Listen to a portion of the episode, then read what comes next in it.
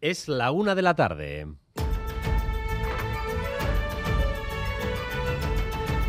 Crónica de Euskadi con Dani Álvarez.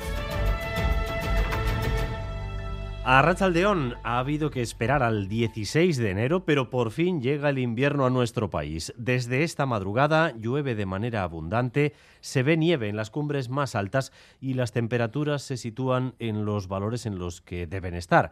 Que sea invierno de verdad, en invierno empieza a ser noticia. ¿Cuál es la estampa, Xavier Madariaga? Lluvia y más lluvia, sobre todo en la vertiente cantábrica, donde se esperan 60 litros por metro cuadrado en 24 horas. Después del terremoto Shakira, esto que ahora sufrimos es la borrasca Gerard. Va a traer más frío, más agua y más nieve. Lo peor viene el miércoles, entonces el aviso pasará de amarillo a naranja. El nivel de los ríos ya se sigue de cerca. Por ahora, las lluvias han traído balsas de agua y árboles caídos. También la bandera XL, de Nafarroa, que ha amanecido caída por el peso del agua en la Plaza de los Fueros de Iruña. Hasta el nombre de la borrasca, como acaba de decir Xavier, tiene su aquel en pleno boom de Shakira, la borrasca Gerard. Lo de hoy es solo el aperitivo de una semana en la que la situación se va a ir recrudeciendo y con tan borrada a la vista el próximo viernes. Vamos con la previsión a corto plazo, Euskalmet, Arrachaldeón. Caixo Arrachaldeón, durante la tarde la lluvia tendrá continuidad. Eh, seguirá lloviendo de forma generalizada, pero sobre todo lo hará en la vertiente cantábrica, donde la lluvia será persistente y muy abundante. En 24 horas se acumularán más de 60 litros por metro cuadrado en algunas eh, zonas del norte. De momento, eso sí, la cota de nieve se va a mantener en torno a 1.300 o 1.400 metros durante la tarde. Y mañana martes el tiempo va a adquirir un carácter más eh, invernal. A las precipitaciones, que seguirán siendo abundantes y persistentes en el norte, habrá que sumarle un viento muy intenso del oeste, sobre todo durante la mañana, con rayas que podrían superar los 110 o 120 kilómetros por hora en zonas expuestas de la costa y en zonas no expuestas también el viento va a ser intenso y podríamos tener rachas de más de 80 kilómetros por hora, sobre todo en áreas cercanas a la costa. Por otro lado, a lo largo del día la cota de nieve irá bajando y por la tarde podría situarse en torno a 600 o 700 metros la cota de nieve, pudiendo descender a 400 metros por la noche. Por tanto, tiempo invernal a partir de mañana.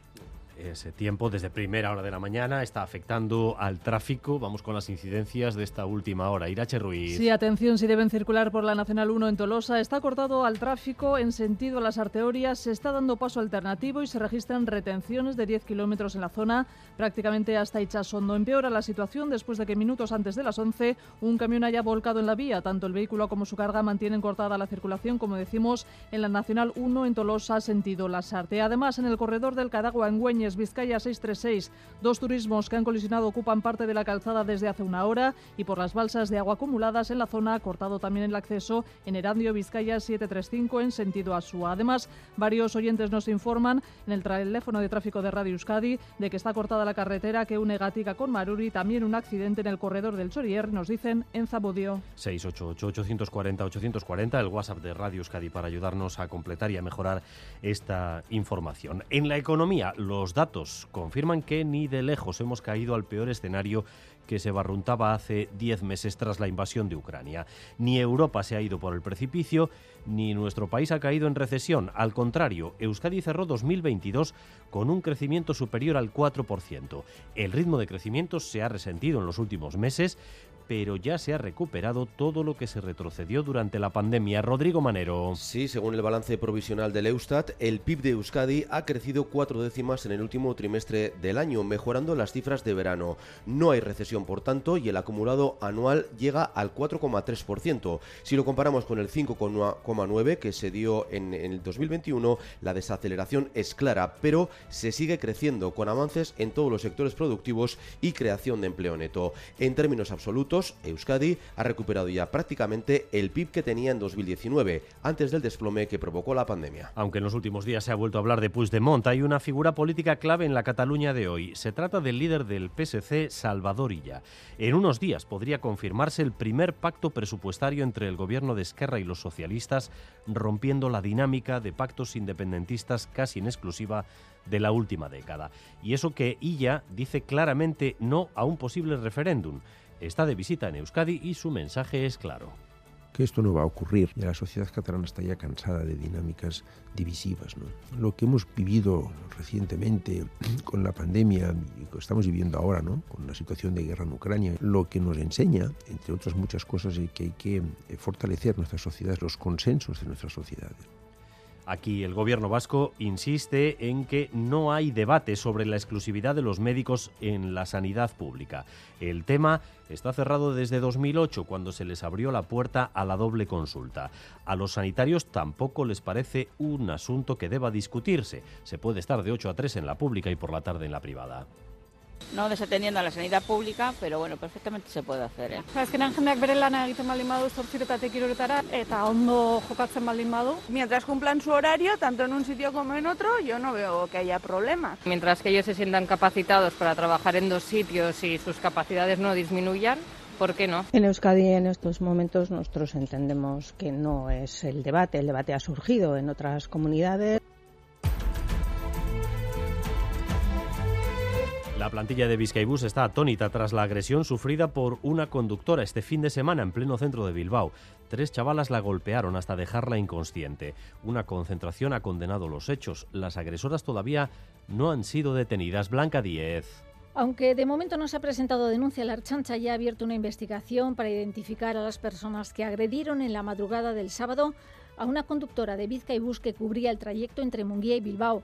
Al parecer, una joven estuvo golpeando el autobús, ante lo que la conductora pidió la intervención de la Erchancha para evitar que pudiese subir al vehículo en Munguía.